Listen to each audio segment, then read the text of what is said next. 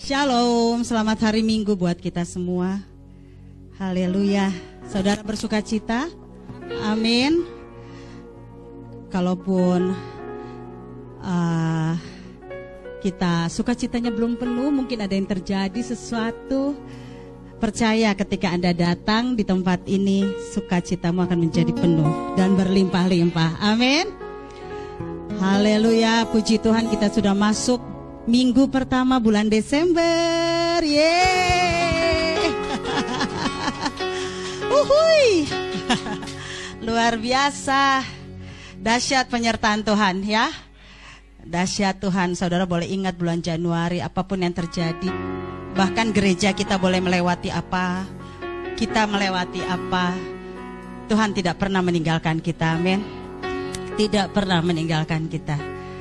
Dan kita pun itu menjadi kekuatan buat kita memasuki tahun baru yang baru nanti. Haleluya. Yes. Saudara-saudara, ini adalah minggu pertama kita akan bersama-sama masuk dalam perjamuan kudus. Saudara boleh mempersiapkan hati diri saudara. Demikian juga kita mempersiapkan untuk perpuluhan dan benih Natal. Saya memegang banyak tempat untuk menabur dan ini tempat untuk menuai juga. Nanti kita terima juga, saudara-saudara. Haleluya. Saudara boleh mempersiapkan, demikian juga persembahan kita yang akan kita berikan. Saudara bersuka cita buat hari ini? Haleluya. Mari kita berdoa untuk memulai ibadah kita. Terima kasih Tuhan. Untuk bulan demi bulan minggu demi minggu, bahkan hari demi hari yang telah kami lewati. Kasihmu selalu ada Tuhan. Selalu menghajar kami. Namun engkau Allah yang menyembuhkan kami. Bahkan memberi kekuatan dan ketenangan dalam perjalanan kami. Tuhan adalah kekuatan dan perisaiku Kepadanya hatiku percaya. Aku tertolong, sebab itu beria-ria hatiku.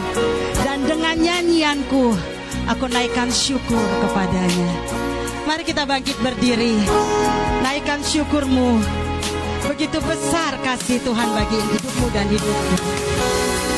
Haleluya. bagimu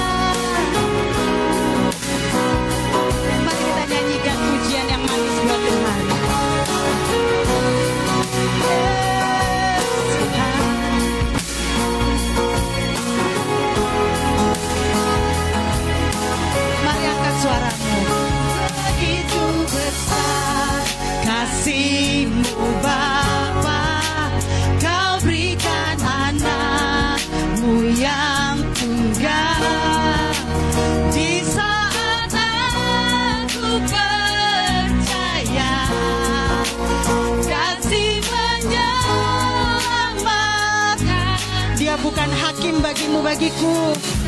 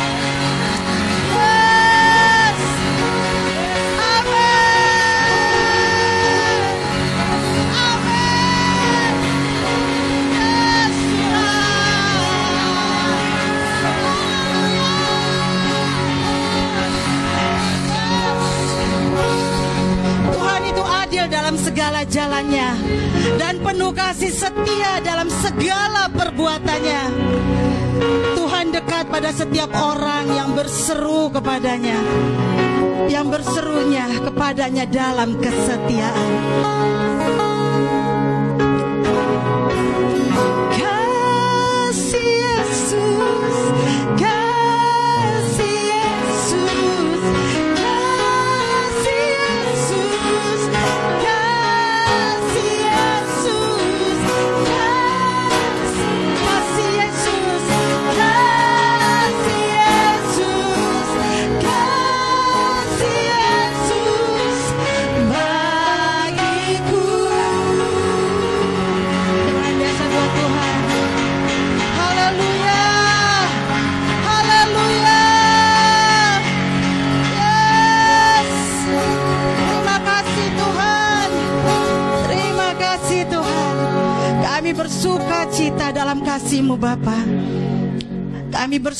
Tuhan Kau yang membukakan mata pengertian kami. Engkau Allah Tuhan yang selalu ada. Bahkan kami tidak dapat menyebutkan secara detail Tuhan. Kehadiranmu yang selalu menolong hidup kami. Terima kasih Bapa. Terima kasih untuk kasih-Mu yang selalu ada bagi kami. Sebab itu kami akan beria-ria menaikkan pujian kami lebih lagi bagimu. Lebih lagi gagimu Tuhan. Kami percaya Engkau hadir, Engkau selalu hadir. Engkau hadir bagi setiap kami, tidak terlewatkan satu orang pun. Terima kasih Tuhan, yang siap memuliakan Tuhan lebih lagi. Tepuk tangan dan sorakan haleluya. Yes. Haleluya. Haleluya, saudara sebelum duduk ini adalah bulan Desember. Amin. Jadi saya percaya saudara punya memori yang indah dari bulan demi bulan. Memori indah bersama Tuhan, pertolongan Tuhan. Amin. Sebab itu jangan tahankan kakimu, tanganmu untuk menari-nari buat Tuhan. Amin. Sebelum itu saudara boleh duduk kembali. Haleluya. Dia Allah yang telah merubahkan setiap ratapanmu dan ratapanku menjadi tari-tarian.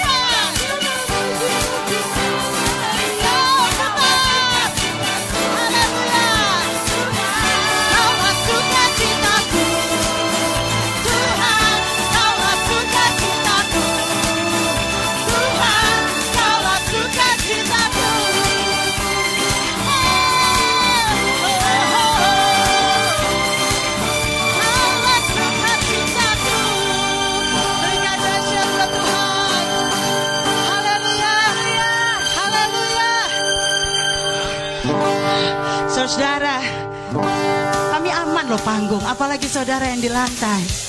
Menarilah buat Tuhan. Amin. Yes, dia menjadikan dirimu dan hidup diriku pemenang, pemenang.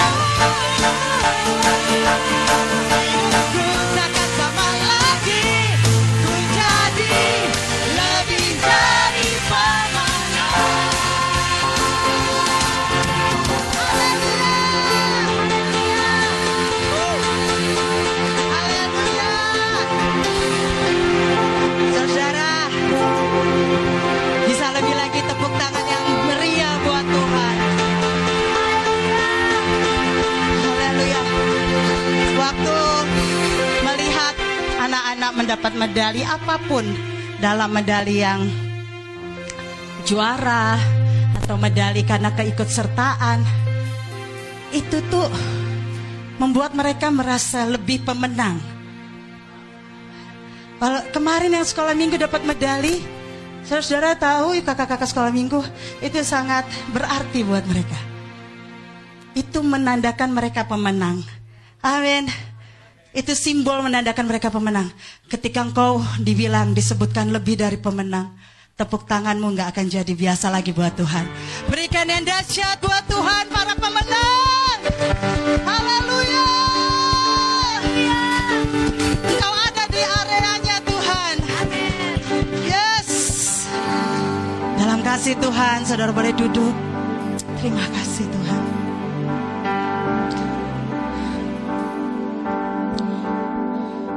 Kisah Yusuf yang berada di Mesir membuka mata dan mengingatkan kita bahwa Ia Tuhan yang selalu ada di setiap musim hidup kita. Dalam lembah terdalam sekalipun tidak pernah meninggalkan dan melepaskan kita. Namun Ia menghajar, namun Ia yang menyembuhkan. Ia membukakan pengertian untuk setiap jalan-jalannya. Tanah Goshen tempat orang Israel yang tinggal yang terluput dari tulah merupakan bukti bahwa Tuhan adalah penjaga dan pelindung. Tiang awan dan tiang api adalah manifestasi penyertaan Tuhan. Mana yang turun dan air yang memancar dari gunung batu adalah bukti bahwa Tuhan memelihara umat-umat yang dikasihinya peperangan demi peperangan yang dimenangkan bangsa Israel adalah bukti pertolongan dan pembelaan Tuhan. Dia Tuhan, sumber kehidupan kita.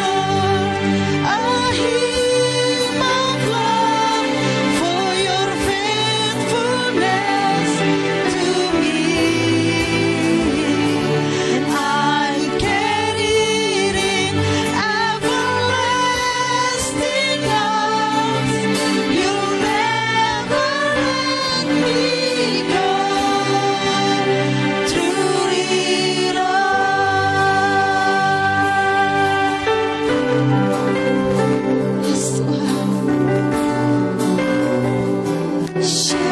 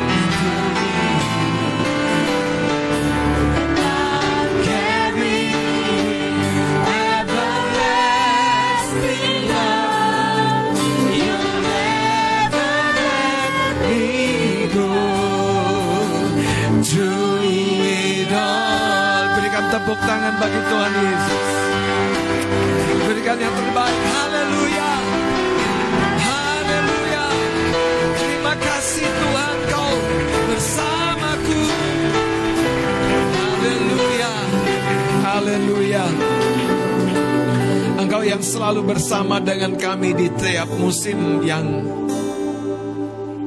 kami lewati bersama dengan Engkau.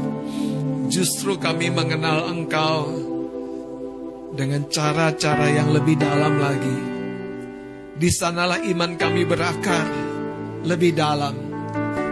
Ketika kekeringan datang di sekitar kami, biarlah batang air itu menjadi tujuan kami. Itulah hadiratmu yang akan menyegarkan roh kami. Ajari kami menaruhkan hidup kami di bawah tanganmu yang tidak akan tergoyahkan, siap sedia menjagai. Kami mengucap syukur, Roh Kudus lebih daripada apa yang kami nantikan, limpahkan segala hikmat dan pengertian. Biar kami sungguh-sungguh Tuhan, memasuki bulan Desember, bulan yang terakhir 2023 ini. Kami mengingat kesetiaan-Mu yang tidak habis-habisnya. Yang menuntun kami dengan lembut ketika kami gagal dan jatuh. Yang tidak membuangkan kami ketika kami rasa tidak layak. Tapi kau menggendong kami di tanganmu. Tuhan terima kasih. Kami mau dengar suara hatimu. Pagi hari dibicara kepada setiap anak-anakmu. Karena engkau yang setia selalu bersama dengan kami di dalam nama Tuhan Yesus Kristus. Semua yang siap mendengar firman Allah sama-sama katakan amin, amin, amin. Beri tepuk tangan bagi Tuhan Yesus, haleluya. Silakan duduk Bapak Saudara yang kasih oleh Tuhan. Saya percaya semua kita siap diberkati dan merespon firman Tuhan dengan baik, amin. Haleluya. Semuanya disegarkan oleh hadirat Tuhan. Dan saya percaya penyembahan yang kita lakukan sampai ke surga. Haleluya. Dan itu benar, saudara, itu benar, itu benar. Karena terkadang uh, gereja sibuk menghadapi permasalahan dan pergumulan dan mencari solusi, sementara waktu kita dibawa melihat dari tempat yang tinggi yaitu surganya, kita tahu saudara banyak hal yang sebetulnya tidak sepenting dari kita datang di hadiratnya. Puji Tuhan. Saudara, saya masih akan menyampaikan satu babak yang kedua dari judul tema efek gelombang. Mari kita lihat dari satu Samuel pasal yang ke-14. satu Samuel pasal yang ke-14. Saya berdoa semua kita dapat menangkap sesuatu yang akan mendorong iman kita memasuki satu tingkatan yang lebih kuat lagi di dalam dia. Dan kita tahu saudara bahwa Tuhan, ini perhatikan, menyertai kita dengan dengan cara-cara yang justru sebetulnya lebih dekat daripada apa yang kita duga. Tangan yang kekal itu kita berpikirkan tangan yang tidak kelihatan, saudara. Sebetulnya tangan yang tidak kelihatan itu menggerakkan tangan keluarga kita. Tangan orang yang tiba-tiba mengirimkan WA kepada kita. Kuat ya kamu ya. Jadi saudara dia yang rohani itu menggerakkan perangkat kerjanya yang lahiriah. Nah saya mau mendorong supaya kita menyimak. Pertolongan Tuhan justru sering kali terlalu dekat dengan diri kita. Itu sebabnya kita harus belajar saudara. Mengerti cara-cara Tuhan membawa kita melewati setiap musim di hidup kita dan tetap kita akan mengalami satu kehidupan yang lebih berbuah lagi di dalam dia katakan amin. Haleluya. 1 Samuel pasal 14 kita baca ayat 14 dan 15 kita baca bersama-sama 2 3. Kekalahan yang pertama ini yang ditimbulkan Yonatan dan pembawa senjatanya itu besarnya kira-kira 20 orang dalam jarak kira-kira setengah alur dari sepembajakan ladang. Lalu timbullah kegentaran di perkemahan, di padang dan di antara seluruh rakyat. Juga pasukan pengawal dan penjara-penjara itu gentar dan bumi gemetar sehingga menjadi kegentaran yang dari Allah. Kalau kita baca cerita ini ditulis saudara ketika Yonatan mengambil atau memulai sebuah inisiatif yang janggal. Kenapa? Pada waktu itu Israel di dalam kepemimpinan Saul begitu lemah.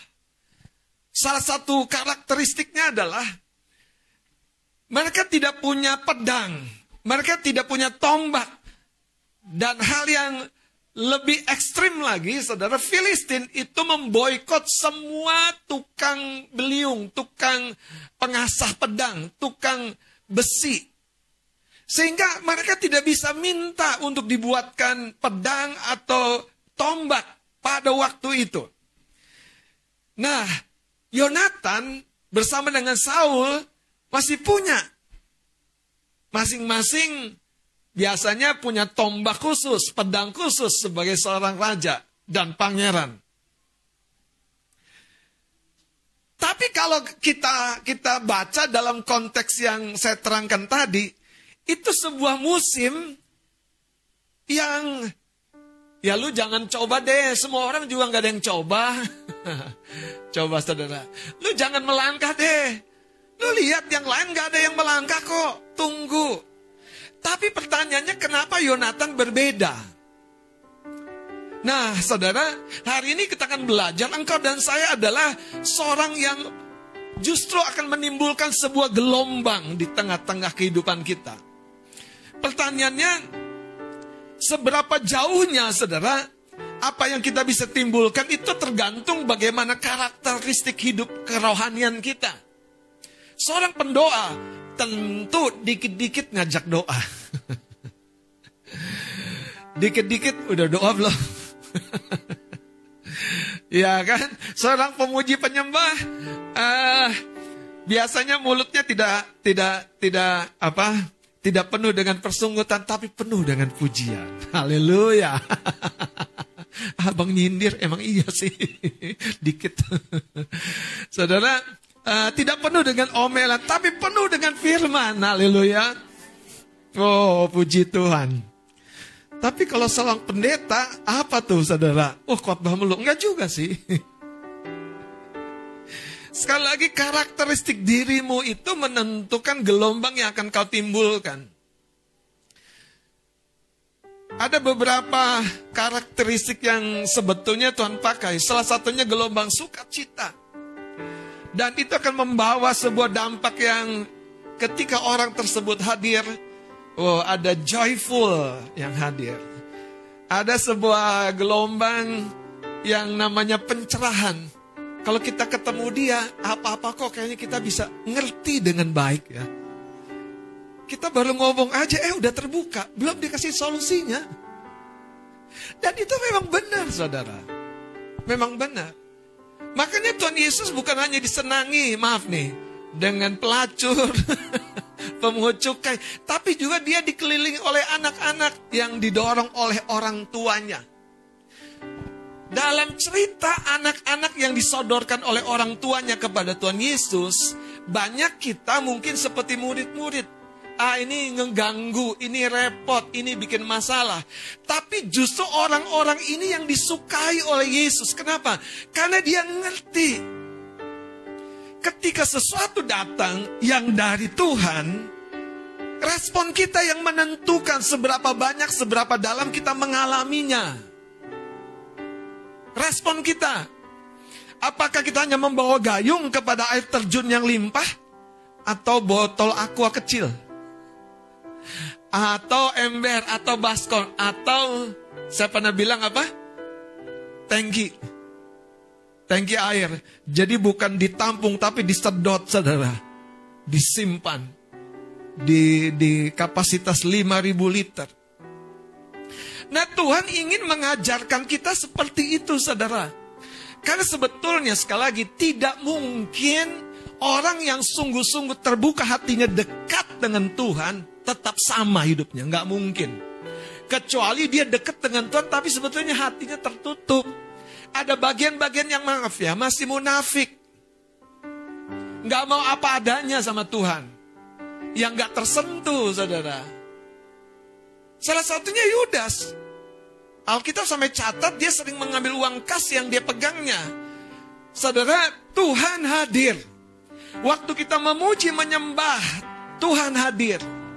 Waktu di kerumunan orang banyak yang lagi menyertai Yesus bersama dengan murid-muridnya menuju rumah Yairus. Ketika Yairus kepala rumah ibadat minta tolong anaknya yang sekarat itu itu tidak ada orang rasa sesuatu sedang ada di tengah-tengah mereka. Tetapi satu orang wanita yang sudah 12 tahun sakit pendarahan. Sekali lagi saudara Apa yang engkau harapkan itu menentukan apa yang akan engkau alami. Jadi kalau kita datang beribadah hari Minggu seperti ini, apa yang kita harapkan? Yesus datang ke Nazaret. Keluarganya, teman-teman sekampungnya bilang begini, siapa dia? Ya mereka nggak harapkan apa-apa. Dan mujizat sangat sedikit terjadi hari ini. Saya mau menyampaikan satu pesan yang sebetulnya sadar akan mengubah hidup kita. Ini yang saya maksud pikulan di pundak kita itu sebetulnya tidak seberat yang kelihatan. Kenapa? Karena sering kali kita tidak memasuki satu zona di mana gelombang rohani yang memberikan hikmat, yang memberikan kasih karunia, yang memberikan sukacita ganti duka cita, yang memberikan hikmat ganti jalan buntu. Kita tidak memasukinya. Nah sekarang Tuhan mau katakan begini saudara. Waktu kita belajar, sedang memasuki area di mana gelora dan gelombang rohani yang Tuhan munculkan itu, hidup kita tidak pernah akan sama lagi. Nah, cerita ini coba lihat saudara, Yonatan Yonatan seorang diri.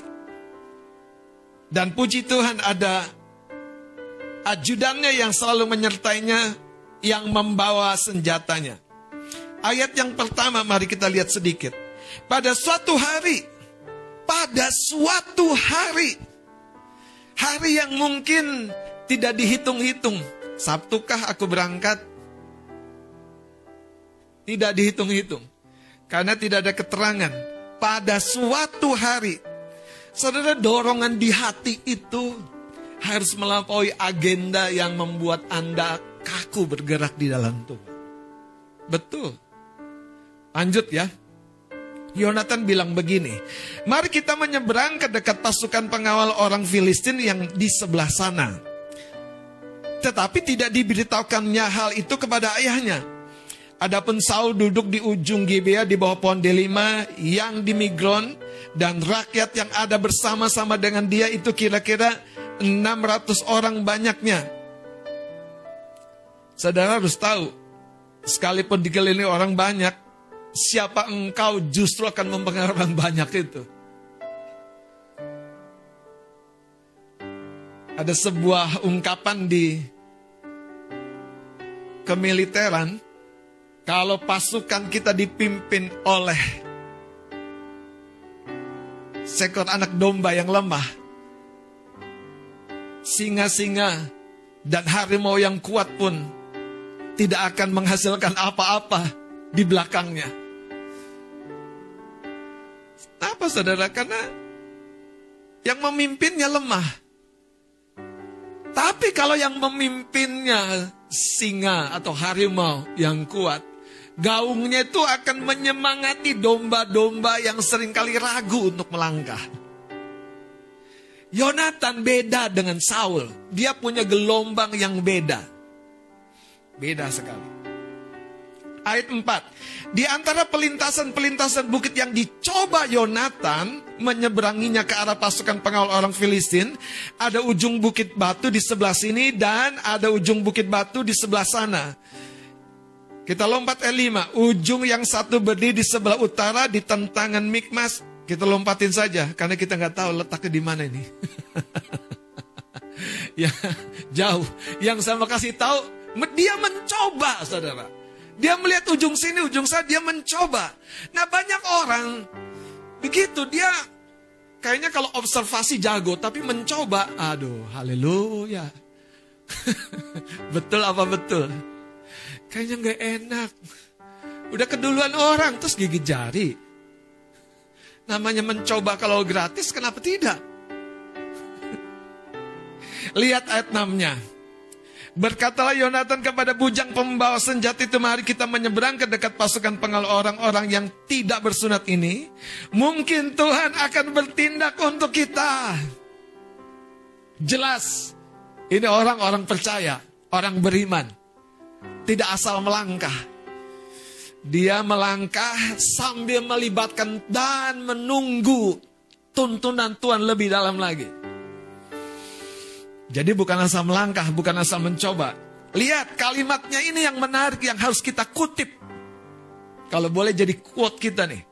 Sebab bagi Tuhan tidak sukar untuk menolong. Baca sama-sama. Saya pernah bilang, Anda mau usaha, jangan pikirin modal gede dulu. Pikirin modal yang paling mendasar, namanya relasi. Kalau relasi Anda abaikan, mau modal gede, nggak ke mana-mana. Jamin, saudara. Tapi kalau relasimu baik, nggak pakai modal aja dikasih-kasih. Lu pakai dia uang gue dulu. Dikasih, saudara. Karena relasi. Dan itu orang yang tidak di dalam Tuhan saja mengalami. Itu namanya perkenanan dari manusia. Yesus punya dua-duanya, perkenanan dari Allah dan dari manusia. Cerita ini jelas dilakukan oleh Yonatan. Nah, saya mau tunjukkan sekarang apa yang terjadi setelah Yonatan yang kelihatannya satu dibanding sekian banyak orang yang melakukan tindakan-tindakan yang tidak sama mengalami sebuah kemenangan kecil. Ayat 14 kita baca sekali lagi sama-sama. Kekalahan yang Oke, jadi Anda harus tahu, eh, Anda harus perhatikan nih. Kekalahan yang pertama ini. Oke. Anda boleh catat nih, Saudara. Jangan abaikan kemenangan kecil. Ketekunan kecil, permulaan kecil. Permulaan yang awal sekali. Setia dan bertekunlah biarlah itu menjadi dan menimbulkan gelombang kemenangan yang lebih besar. Bagaimana seorang bisa percaya diri mulai melangkah, mulai mencoba, mulai menaiki panggung, mulai mempersiapkan diri. Bagaimana seorang dipakai Tuhan, mulai menyerahkan hidupnya kepada Tuhan, mulai melibatkan diri kepada orang yang dipakai Tuhan. Yonatan menurut saya sebuah contoh yang sangat-sangat sederhana. Dia bukan Daud, yang punya pengalaman rohani segudang. Bukan. Dia bukan seorang nabi. Dia hanya anak raja yang mencoba jadi berbeda dengan papanya yang vakum, yang pasif, yang cuma senang dijagain 600 orang, tapi tidak melakukan apa-apa. Hari ini apakah kita termasuk orang-orang yang jenisnya seperti Saul? Punya potensi, punya peluang, tapi tidak melakukan apa-apa. Atau kita punya seperti Yonatan, hanya punya peluang sedikit, punya peluang kecil, tapi mencoba dan melangkah bersama dengan Tuhan. Dan gelombang yang ditimbulkan dari kekalahan yang pertama. Betul? Kita lihat lagi ayat ini.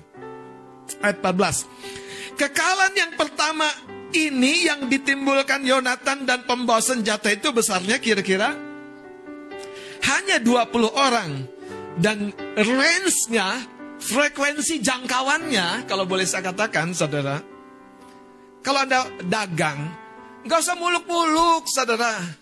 Kalau tetanggamu aja nggak suka mampir, jangan Jualan sama tetanggamu dulu. Kalau tetanggamu suka, dia beli lagi. Itu pertanda saudara. Haleluya. Lihat dikatakan kira-kira 20 orang dalam jarak kira-kira setengah alur dari sepembajakan ladang. Lalu ayat 15-nya ini, ini, ini yang kita harus tahu yang namanya efek gelombang. Lalu timbullah kegentaran di di yang pertama di mana? Di pos jaga yang disamperin Yonatan sama bujang pembawa senjatanya. Tapi kemudian timbul kegentaran di perkemahan. Ternyata bisik-bisik musuh justru membuat musuh sendiri kalut, bingung. Haleluya. Terus lihat saudara. Di padang dan di antara seluruh rakyat juga pasukan pengawal dan penjara-penjara itu Saudara, Pasukan pengawal dan pasukan penjara itu beda. Pasukan penjara itu pasukan yang bengis, kejam, gak peduli. Itu pasukan yang gak ada pikir dua kali kalau menghabisi anak kecil, anak bayi, ibu hamil bahkan. Karena tujuannya bukan manusia, tapi jarahan.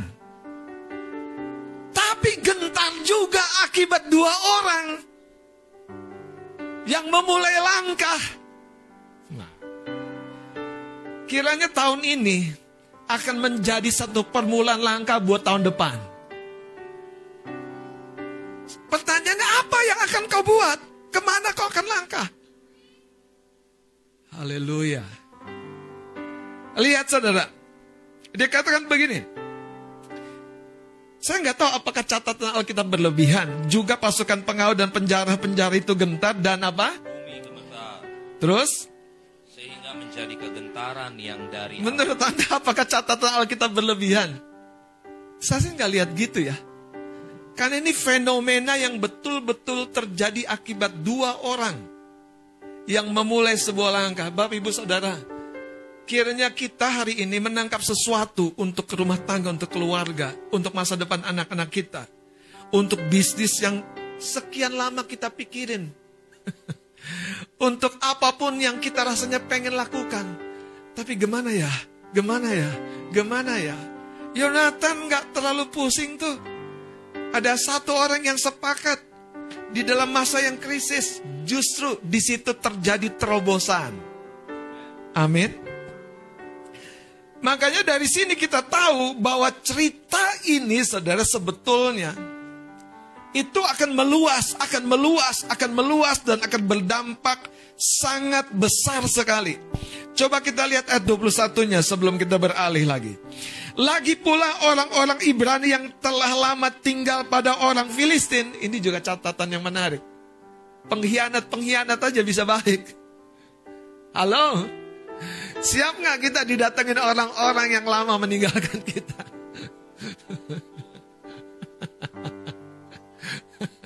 Siap, kata Ibu Gembala. Adakah ruang di hatimu untuk orang yang mengecewakanmu?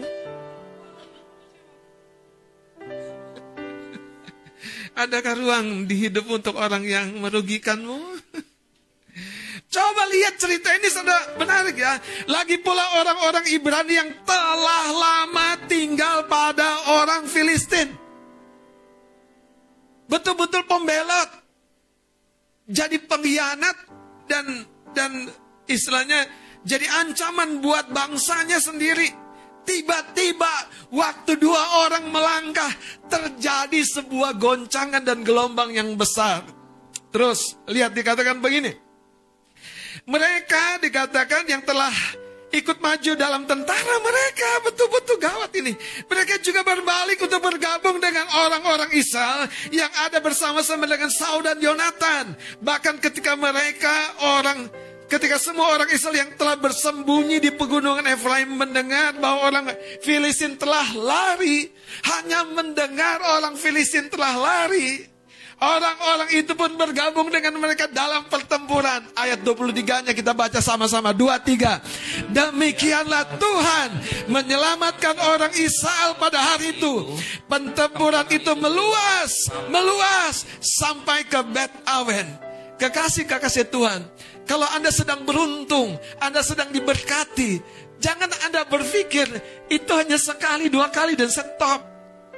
Semuanya itu dimulai daripada harapanmu melibatkan Tuhan. Makanya ketika Yonatan mengambil sebuah gagasan yang sangat-sangat tidak relevan dengan orang-orang yang ada bersama dengan dia, itu merupakan sebuah permulaan yang sepertinya nggak masuk akal. Tapi Yonatan melakukannya. Dan ketika terjadi orang-orang terhenyak karena dampaknya yang besar. Ada sebuah peristiwa lain di dalam 2 Taurik 31. Yang saya rindu kita baca dan perhatikan 2 Taurik 31.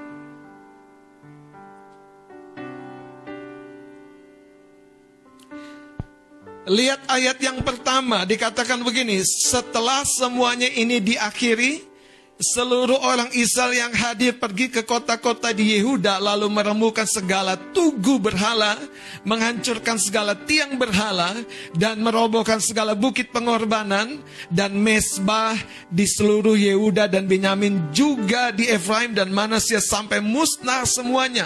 Kemudian pulanglah seluruh orang Israel ke kota-kotanya ke miliknya masing-masing. Ini terjadi satu kebangunan rohani yang sebuah peristiwa yang sangat spektakuler menurut saya. Sekarang kita lihat apa penyebabnya. Penyebabnya hanya sebuah perayaan Paskah. Tapi dilakukan oleh orang-orang yang punya kehausan dan kelaparan yang tinggi akan Tuhan. Kenapa? Karena coba lihat saudara, ketika mereka membuat rancangan, mereka segera mengirimkan utusan-utusan, Bahkan banyak orang yang belum sepakat mereka tetap mengadakannya. Tetapi yang luar biasa dari pasal 30 pasal sebelumnya adalah ketika Raja Hizkia lihat ayat 23-nya. Kemudian seluruh jemaat sepakat untuk berhari raya tujuh hari lagi. Dua hari 30 ayat 23 berhari raya tujuh hari lagi. Lalu mereka berhari raya tujuh hari lagi dengan Sukaria. Nah ini gelombang sukacita yang besar sekali. Terus kita lompat. Ayat 26. Maka besarlah kesukaan di Yerusalem karena sejak Salomo bin Daud Raja Israel tidak pernah terjadi peristiwa semacam itu di Yerusalem. Sesudah itu para imam Lewi bangun berdiri dan memberkati rakyat. Lihat kalimat terakhir kita baca sama-sama. Suara mereka didengar Tuhan dan doa mereka sampai ke tempat kediaman yang kudus di sorga. Kekasih-kekasih Tuhan, kalau saja kita ada dalam sebuah kegerakan, kalau saja kita terhubung dengan orang-orang yang punya energi untuk mengejar Tuhan, kalau saja kita terhubung dengan pendoa-pendoa, kalau saja kita terhubung dengan orang yang olehnya hikmat, tuntunan, Suara Tuhan disampaikan. Yang memang itu adalah bagian daripada cara Tuhan tadi menyertai kita.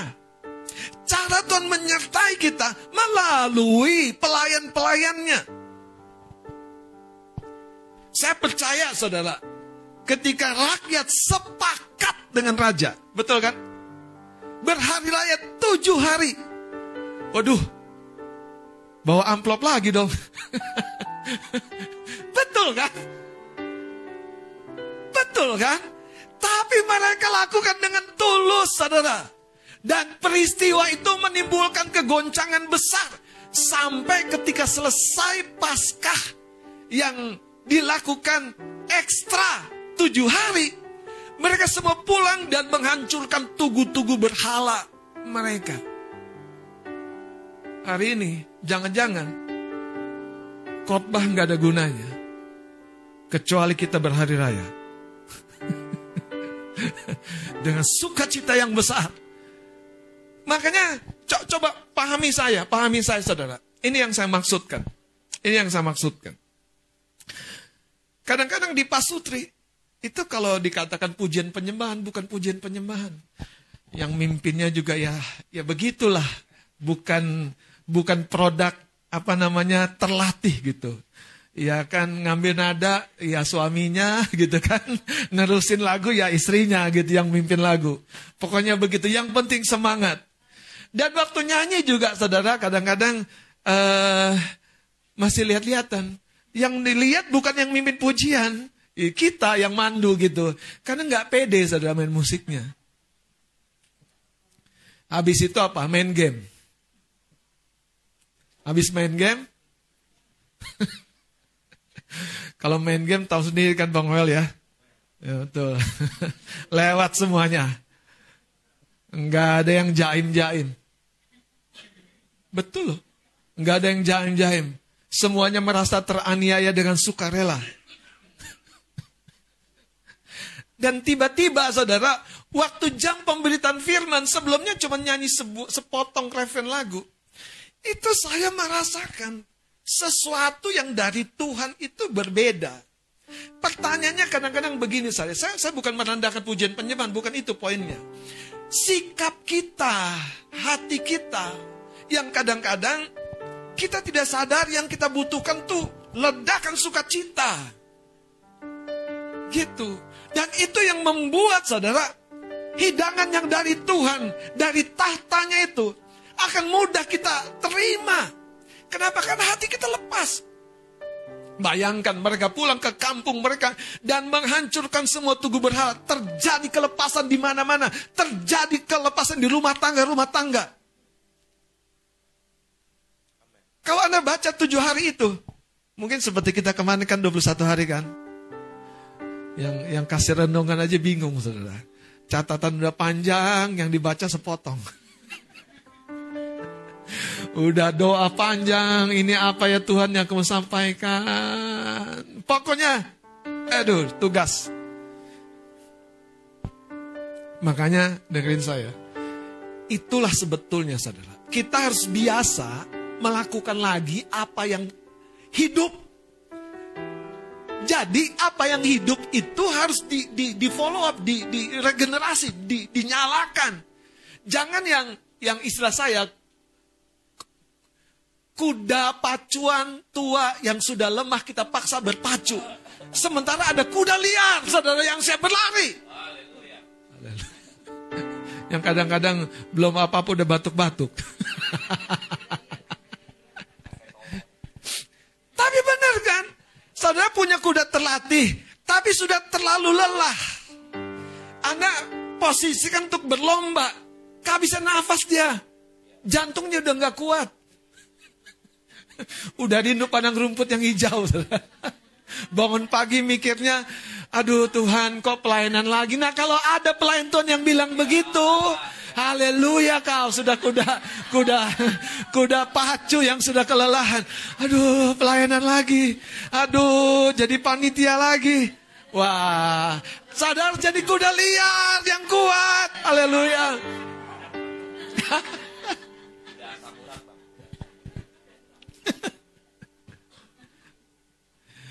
Masanya kisah Hiskia ini belum pernah terjadi. Jadi mana referensinya? Mana referensinya buat Yonatan melakukan langkah yang pertama itu, kemenangan yang pertama itu? Halo? Mana referensinya? Nggak ada di Google.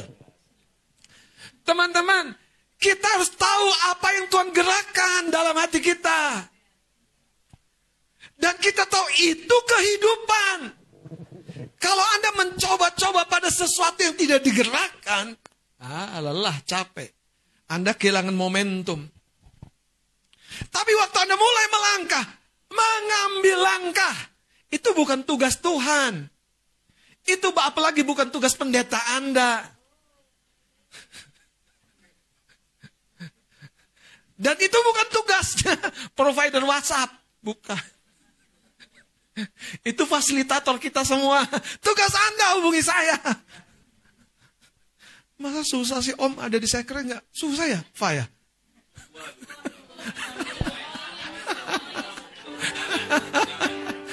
susah ya? Enggak toh. Bang ada di sekre nggak? Ya enggak lah. Enggak susah. Tapi saya mau kasih tahu beneran loh.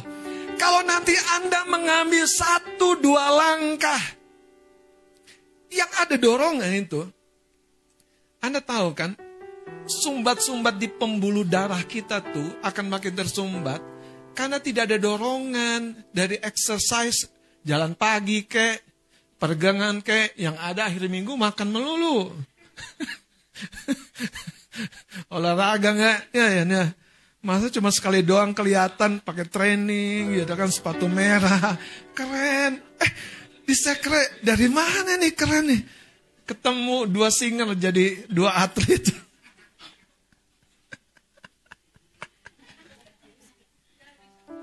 Haleluya. Sesudah itu kutanya, kisahnya cuma sekali dalam seumur hidup.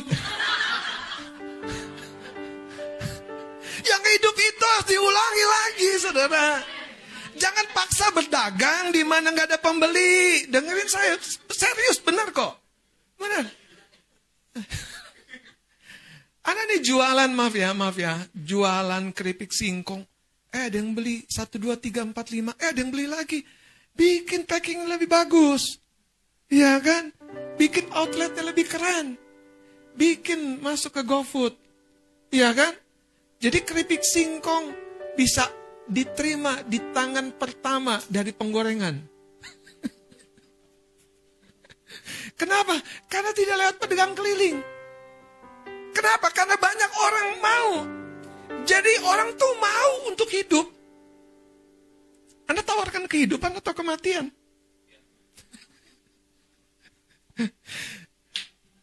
Hiskia waktu ngajak semua rakyatnya, eh kita kebaktian lagi tujuh hari. Kani, aduh, aduh, aduh, jariku bisa keplecok ini. Tujuh hari, tujuh hari, tujuh hari. Gimana omong? Kita kebaktian tujuh hari, Inong sini joget tujuh hari. Bisa turun empat kilo lumayan lah. Lumayan. Minimal berotot. Haleluya. Pergangan, pergangan. Aku kan menangi. Ketika engkau lakukan dengan setia. 6. Dan Daud sangat terjepit. 1 sama 30 ayat 6. Kita baca sama-sama. Dan Daud jadi dia bukan kepepet, sangat terjepit. Keadaan sudah serba tidak menguntungkan. Dan Daud sangat terjepit karena rakyat, baca sama-sama. Mengatakan hendak melempari dia dengan batu. Seluruh rakyat itu telah pedih hati masing-masing karena anaknya laki-laki dan perempuan. Terus Tetapi Daud menguatkan kepercayaannya Daud kepada Tuhan Allah. sebagai seorang yang akan menimbulkan sebuah gelombang, dia sadar inilah ujian untuk dia menguatkan dirinya. Dan Daud kita tahu dia bukan seorang pertapa. Dia bukan seorang sosialita. Dia seorang penyembah. Yang dia cari bukan orang-orang yang dapat menguatkan dirinya. Tapi jangan diambil ini, oh, udah aku cari Tuhan aja. Bukan itu poinnya, saudara.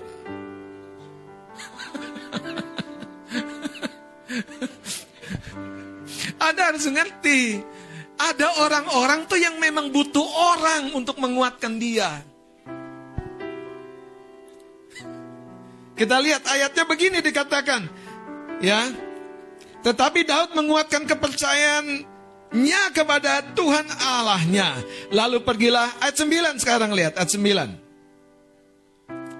Baca, lalu pergilah Daud beserta berserta ke 600 orang yang bersama-sama dengan dia. Ya, terus Dan sampailah mereka ke sungai Besor. Sementara orang-orang yang mau tinggal di belakang berhenti di sana. Jadi 600 orang yang telah mau melempari dengan batu bisa dipimpin. Gelombang yang dibangkitkan itu sedang membuat satu kegairahan yang baru. Saudara, jadilah seorang yang tidak gagal menguatkan dirimu. Aku mau nabung. Jangan gagal menguatkan dirimu. ya kan? Aku mau nge-gym. Paling tidak di rumah sendirilah. Angkat ember sama air itu, saudara. Jangan gagal menguatkan dirimu sendiri. Kenapa? Kalau engkau berhasil dari hal yang kecil yang membawa engkau makin hidup, ya engkau akan lebih hidup. Karena yang sedang kau terus itu adalah sesuatu yang membawa engkau hidup.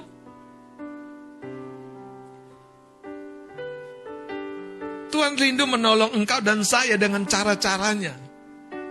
Dan cara-caranya itu terkait dengan orang-orangnya. Orang-orangnya itu biasanya pemimpin rohani, saudara-saudara rohanimu. Makanya Daud dipakai Tuhan untuk membangkitkan 600 pasukannya. Ada satu cerita lain dalam kisah Rasul 9.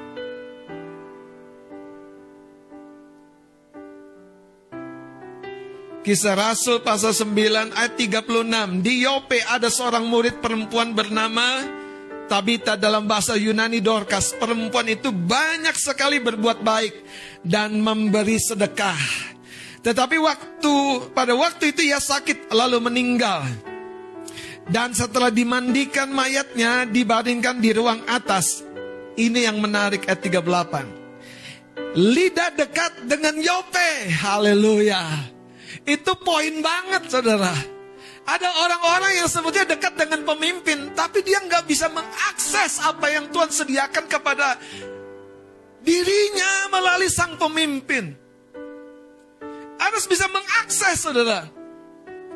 Menerima apa yang pemimpin bisa lepaskan buat kita. Lidah dekat Yope, lihat. Ketika murid-murid baca sama-sama.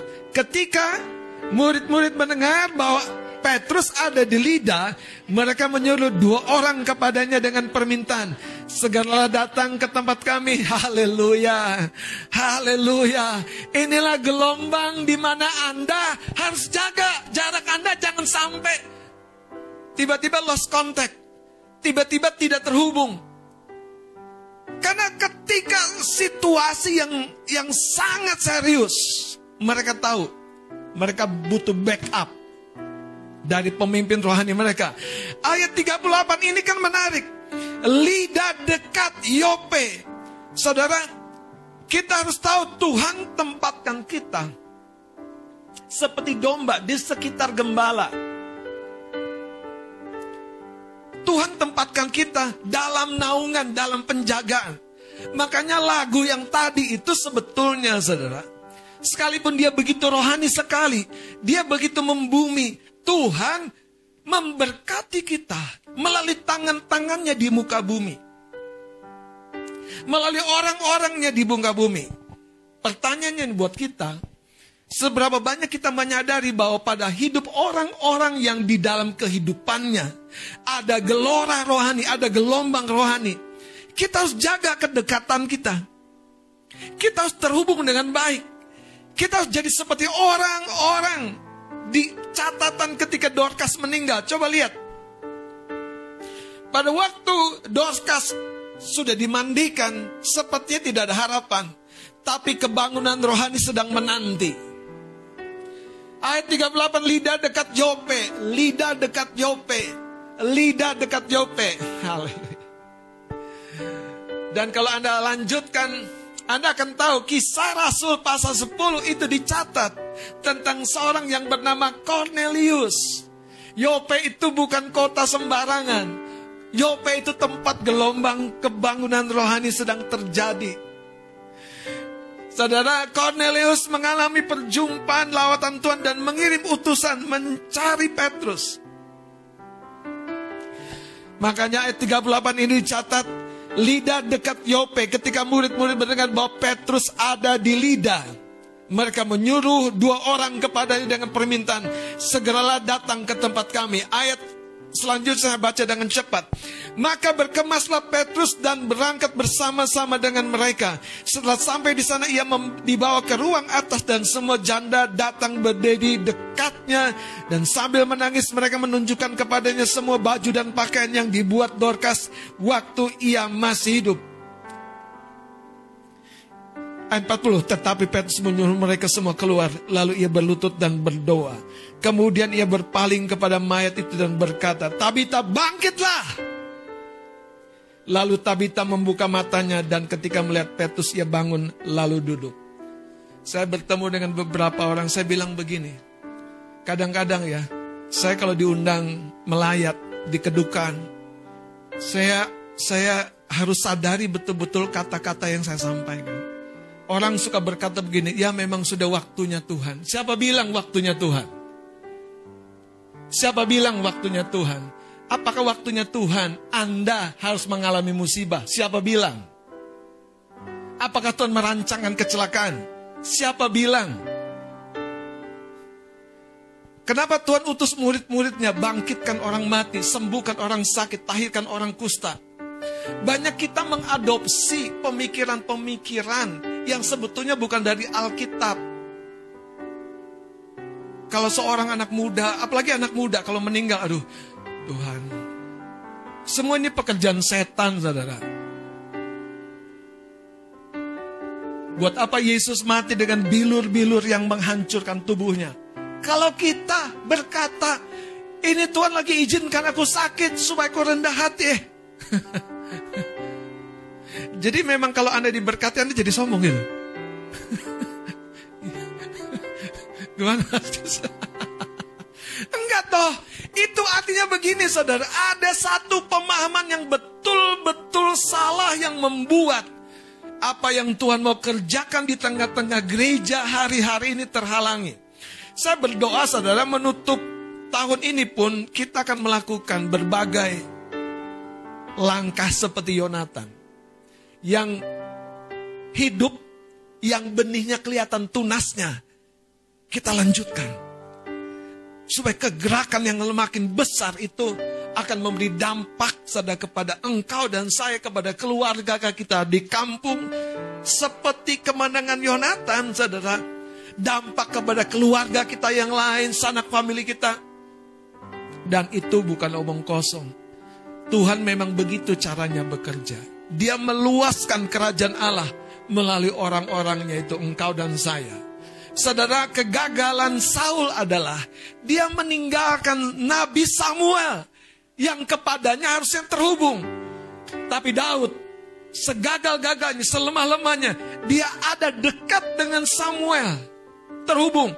Sehingga dia selalu merasakan gelombang rohani yang menguatkan kembali, menguatkan kembali, menguatkan kembali. Apakah engkau dan saya orang yang seperti Daud? Gagal tapi datang lagi. gagal, tapi tolong aku Tuhan. Dan kita tahu pemimpin kita, orang-orang yang Tuhan tempatkan jadi pemimpin adalah alat Tuhan. Atau seperti Saul, bahkan sudah tidak mau saudara mengikuti Samuel. Bahkan berkata, hormati aku di depan rakyat saudara. Saya berdoa, lepaskan kehormatan-kehormatan yang sebetulnya tidak sepenting daripada kehidupan rohani yang sejati di hadapan Tuhan. Yonatan mengajak bujang pembawa senjatanya itu bukan mudah. Yang menarik, kalau saya imajinasikan, kenapa si bujangnya mau? Anda paham nggak? Anda paham? Kenapa si bujang pembawa senjata dia mau? Gini saudara, banyak sekali kita sebetulnya diberikan pilihan-pilihan yang membuat kita akhirnya tidak belajar menetapkan satu konsekuensi bahwa orang ini tidak pernah menuntun aku kepada kecelakaan. Aku perlu percaya kepada dia. Itu yang bujang pembawa senjatanya melangkah bersama Yonatan. Hari ini saudara, taruh imanmu kepada Tuhan. Sehingga orang yang Tuhan pakai dapat melepaskan apa yang Tuhan mau lepaskan buat Anda. Taruh imanmu kepada Tuhan. Supaya orang yang Tuhan pakai. Seperti pembantu remaja kecil di rumahnya Naaman. Bisa menjadi berkat kesembuhan bagi Naaman menuntun Naaman sampai ke Elisa. Amin. Gelombang kebangunan rohani masih terjadi. Mari kita bangkit berdiri. Itu yang sebetulnya membuat hidup kita, saudara, tidak mendayung dengan susah payah tapi mengikuti gelora, mengikuti gelombang, mengikuti tuntunan Tuhan, mengikuti hikmat yang Tuhan taruhkan kepada orang-orang yang dia pakai. Haleluya. Pagi hari ini kita akan duduk sehidangan dan menerima tubuh dan darah Yesus. Biarlah engkau dan saya mengambil sebuah refleksi diri yang simple. Kalau aku di posisi Yonatan dengan bujang pembawa senjatanya, apakah aku bersedia menerima arahan? Mengambil langkah yang tidak umum.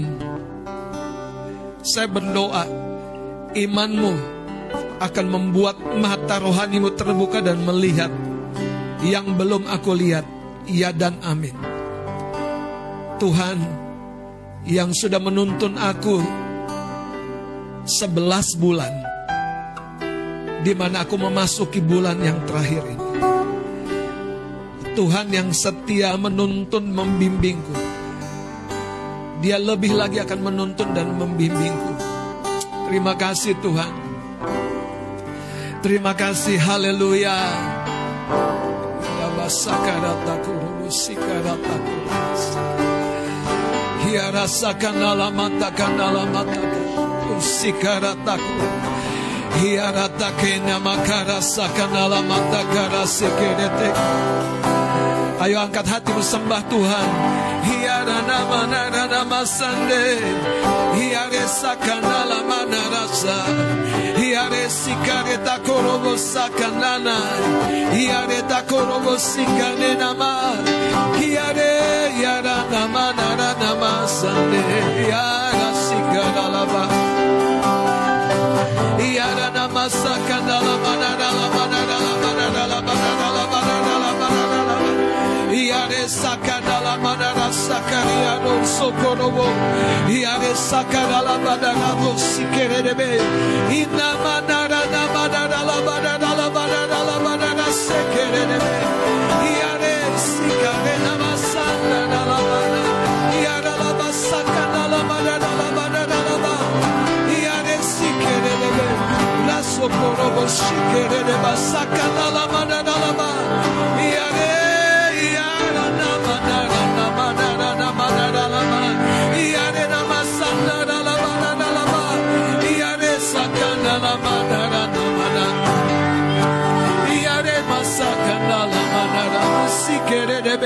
Yara sokorobo zakaralaba Yara sakanala manaralaba Hallelujah Hallelujah. Sandarana matakanala manarala manaralaba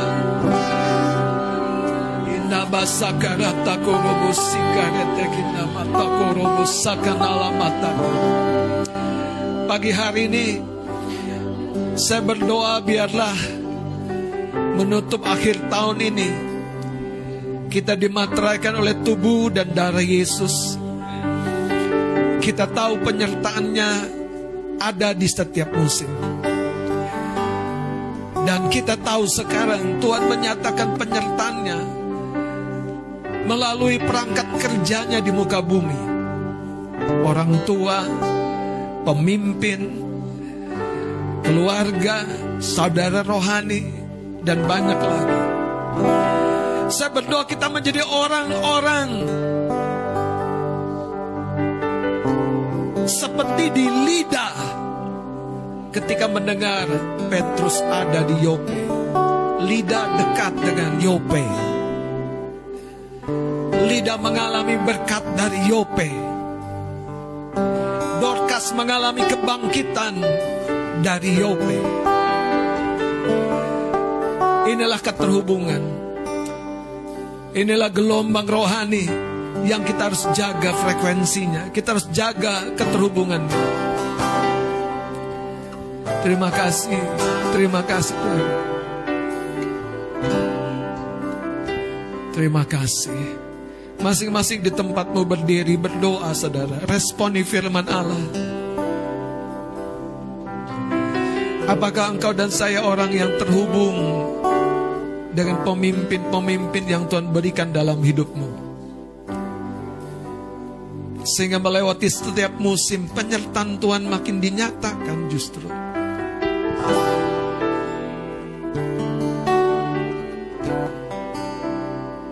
Terima kasih.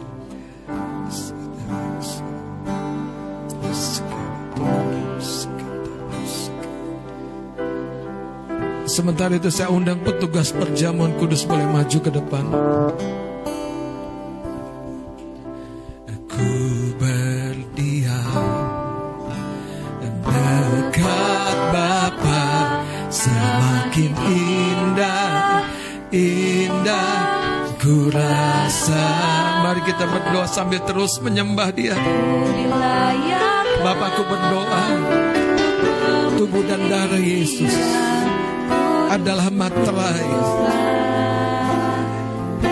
yang kau berikan untuk perjalanan kami melewati setiap musim yang berbeda. Kami mengingat pengorbananmu. Kami mengingat Tuhan darah. Kami mengingat salibmu. Kami mengingat Engkau yang telah mati namun juga bangkit. Aku berdoa di dalam nama Yesus. Setiap anak-anakmu Tuhan yang menerima tubuh dan darah mengalami kebangkitan yang baru. Mengalami dan menerima gelombang rohani. Di dalam nama Yesus Kristus. Di dalam nama Yesus. Di dalam nama Yesus. Silakan bagikan. Iman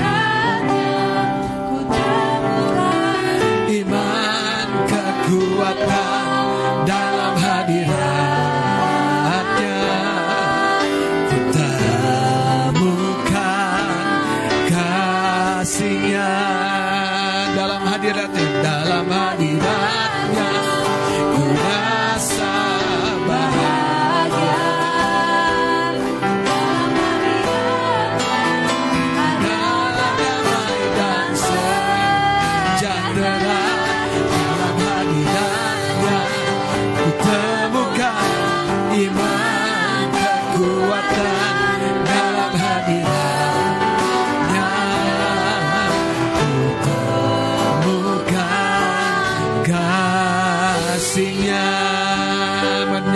pujian kembali dari awal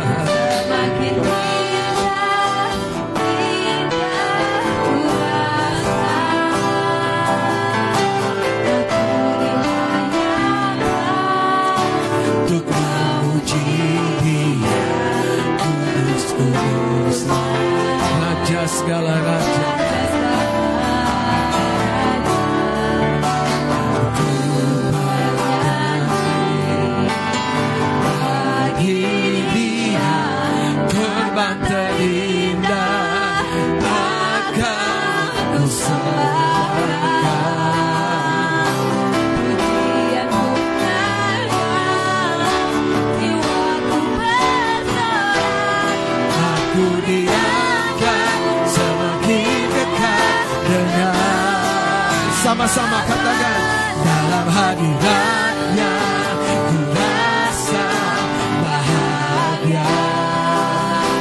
Dalam hadiratnya damai dan sejahtera. Dalam iman dalam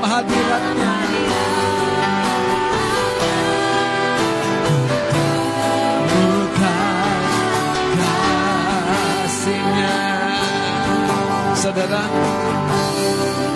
sementara tubuh Kristus di tangan kita mari kita berdoa masing-masing mempersiapkan diri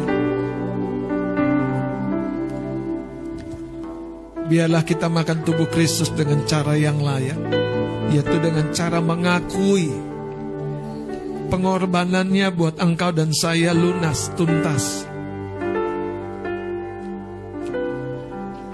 Itu sebabnya saudara, kita butuh hati yang dinyalakan kembali untuk mengalami keajaiban.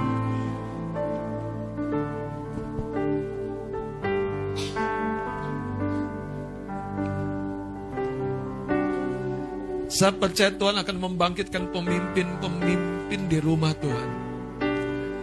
Orang-orang yang punya gelombang yang kuat, gelora yang kuat. Dan olehnya kita semua akan bergerak maju bersama-sama. Mari kita angkat tubuh Kristus di tangan kita. Dengarkan perkataan saya kemudian kita akan makan bersama-sama. Pada malam terakhir waktu Yesus diserahkan. Dia mengambil roti, angkat di tangan tangan kita tinggi.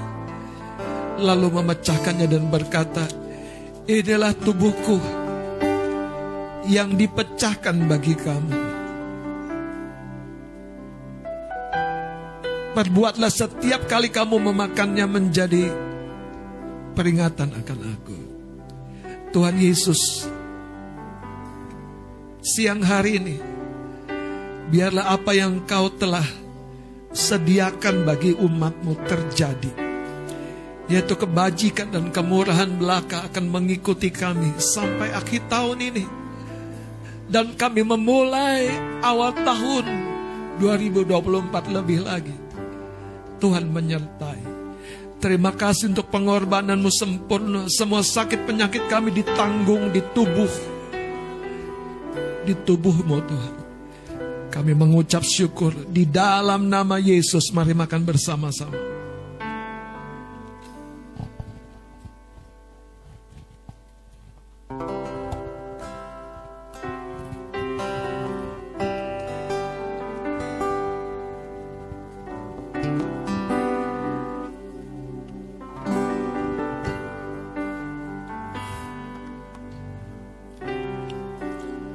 Setelah makan dia mengambil cawan lalu berkata, angkat cawan di tangan kanan kita tinggi. Biarlah hatimu penuh gelora percaya darah Yesus bayaran yang sempurna untuk kisah hidupmu yang lalu dan yang akan datang.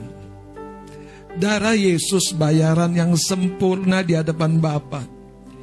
Engkau berdiri suci kudus itu sebabnya mari kita berjalan kembali dalam setiap rencananya. Dia mengangkat cawan dan berkata, inilah cawan perjanjian baru yang dimateraikan oleh darahku. Perbuatlah setiap kali kamu meminumnya menjadi peringatan akan aku. Bapak terima kasih. Darah Yesus, darah yang suci, murni, tak bercacat, membayar semua kisah kelam hidup kami. Kami mengucap syukur kami menjadi ciptaan baru oleh karena darahmu. Terima kasih. Dalam nama Yesus mari kita minum bersama.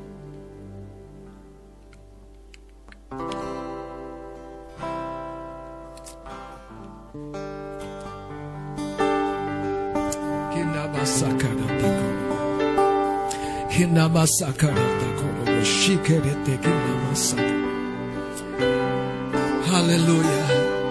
Haleluya. Haleluya. Mari katakan dalam hadiratnya. Dalam hadiratnya ku rasa bahagia.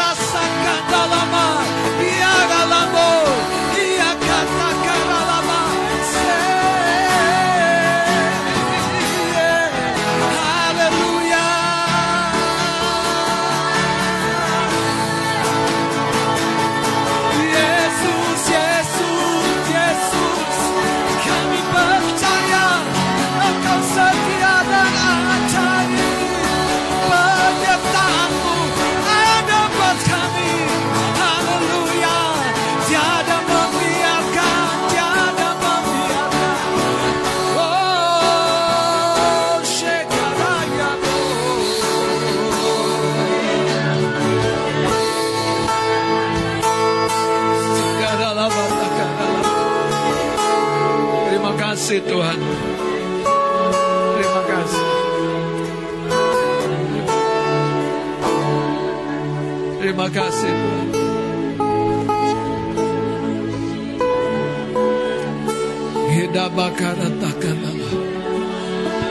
Pagi hari ini kiranya Tuhan meneguhkan langkah-langkah kita. Karena engkau tidak pernah Tuhan biarkan sendiri.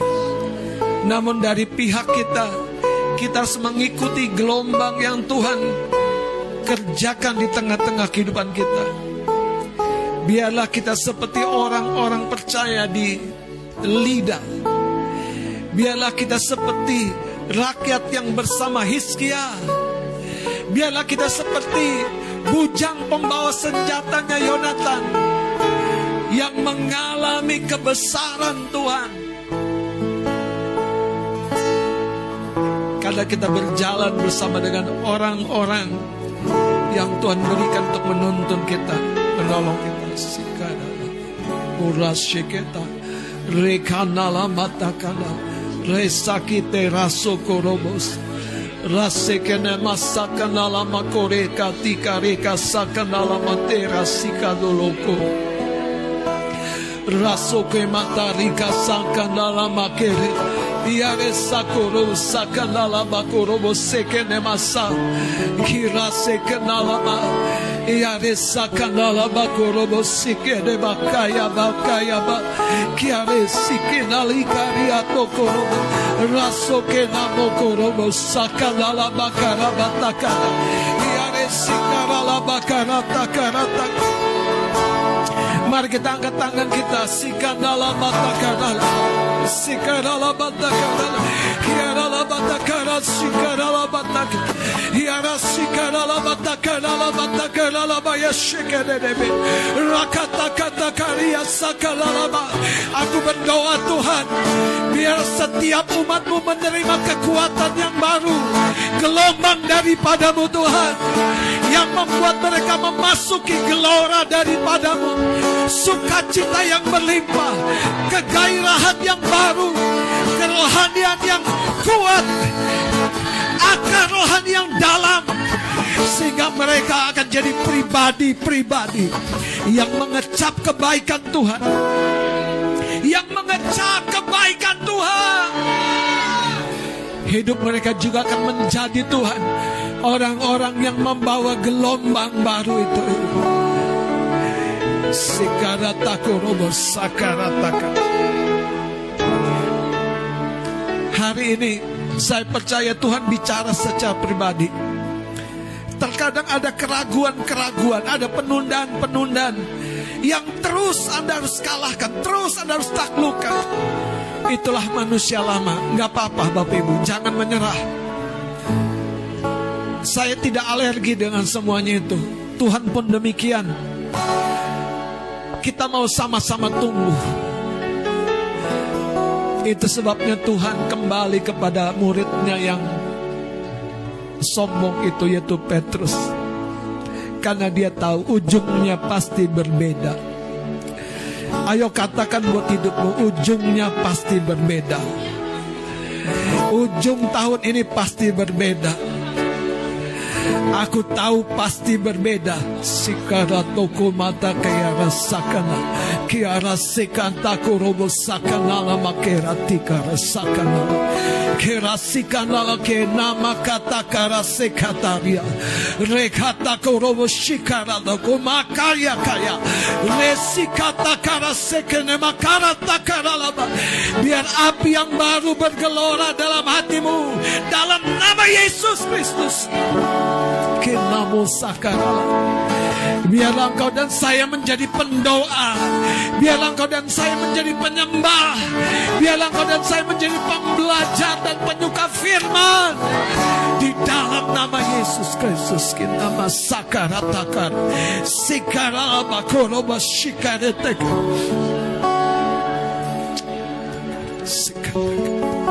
Perkataanku bagi gerejaku, anak-anakku, sesungguhnya Aku yang sedang menghapuskan luka-luka bekas pukulan. Sekian lama engkau terpukul. Sekian lama engkau terhilang. Sekian lama sepertinya engkau bersembunyi. Bahkan sekian lama sepertinya terkadang engkau ada di pihak musuh. Tapi hari ini aku sedang memanggil engkau kembali di dalam gelora dan gelombang yang aku lepaskan. Kinamata. Aku sedang membawa engkau kepada satu babak yang baru, kemenangan yang baru. Aku juga sedang memberi gairah untuk kau terus bersama-sama dengan orang-orang yang aku berikan di dalam kehidupanmu bertanding, berjuang. Perkataanku bagi anakku Junaidi, jangan menjadi ragu, jangan menjadi lemah. Teruslah bergerak Jangan menjauh, teruslah bersama-sama. Biarlah apa yang kau rindukan terjadi, karena sesungguhnya aku juga yang akan memberkati kehidupanmu. Demikian perkataanku bagi engkau anakku Junedi yang aku kasih. Dan sadakariata karabasakana. Hiara sakana mata karasekerete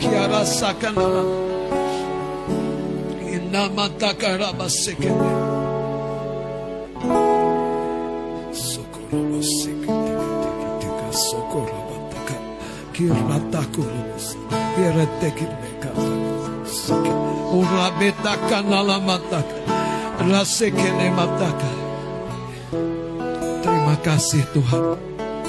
Biarlah Engkau terus hadir dengan cara-caramu Tuhan. Sehingga kami tahu sungguh engkau ada begitu dekat dengan kami anak-anak.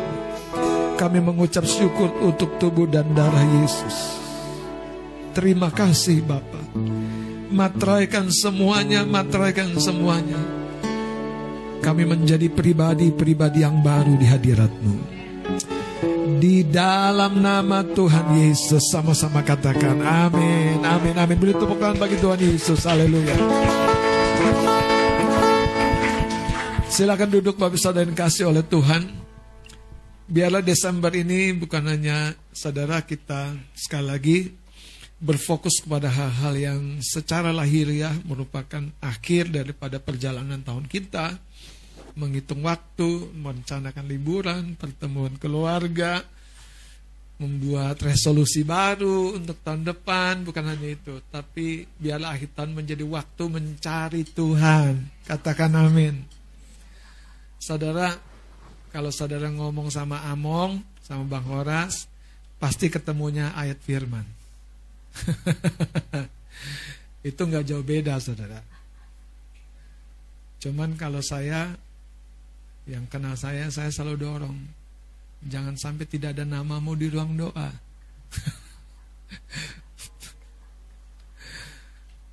Apalagi yang di belakang saya ini. Pasti mereka akan cepat-cepat nanti mendaftarkan namanya. Karena mereka dekat dengan saya kan, haleluya. Paling diberkati pasti, paling paling diberkati. Ya kan. Aku nggak lupa sepatu merahnya itu.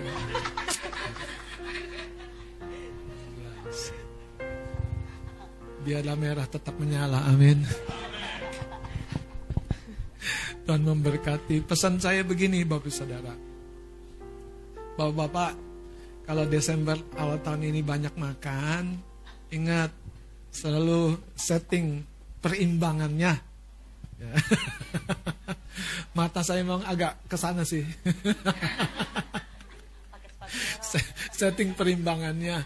Jadi supaya kita tetap selamat, bugar, sehat memasuki 2024. Amin. Haleluya.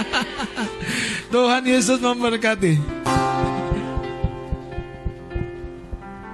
Siapa sih yang di ujung sana? Pakai sepatu merah, Pak. Oke, haleluya. Saya nggak perlu bertanya, semua kita pasti diberkati. Amin.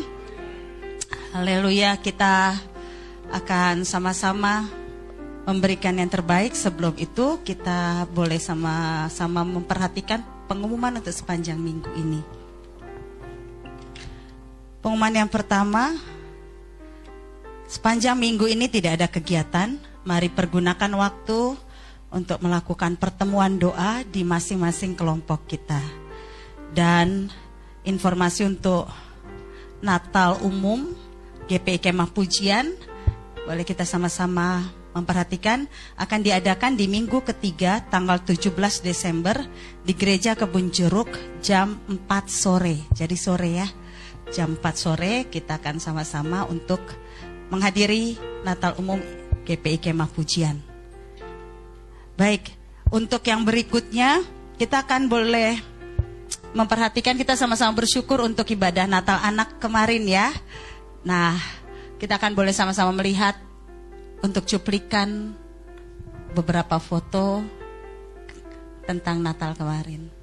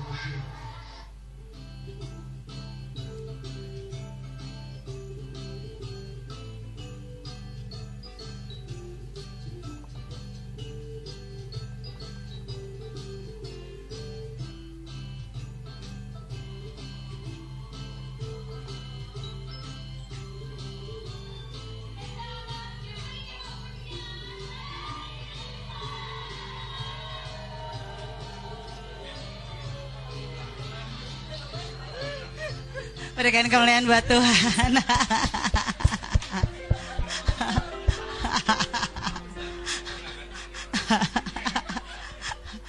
Sesuatu yang beda ya. Haleluya. Baik, kita bersuka cita dan kita sama-sama bersemangat untuk menghadapi Natal umum bersama dan doakan juga mari berdoa untuk semua, untuk hari, untuk semua orang yang terlibat dalam panitia. Kita boleh sama-sama berdoa mendukung ya. Baik, untuk persembahan kita akan sama-sama mempersiapkan persembahan kita. Persembahan kita akan dilakukan dua kali, kantong berwarna merah akan dilakukan, dialokasikan untuk sarana ibadah. Dan hari ini kita akan membawa persembahan perpuluhan dan Natal. Silakan maju setelah nanti sudah selesai memberikan persembahan. Baik, kita akan siap-siap memberikan persembahan. Saya undang para petugas. Kita akan berdoa bersama.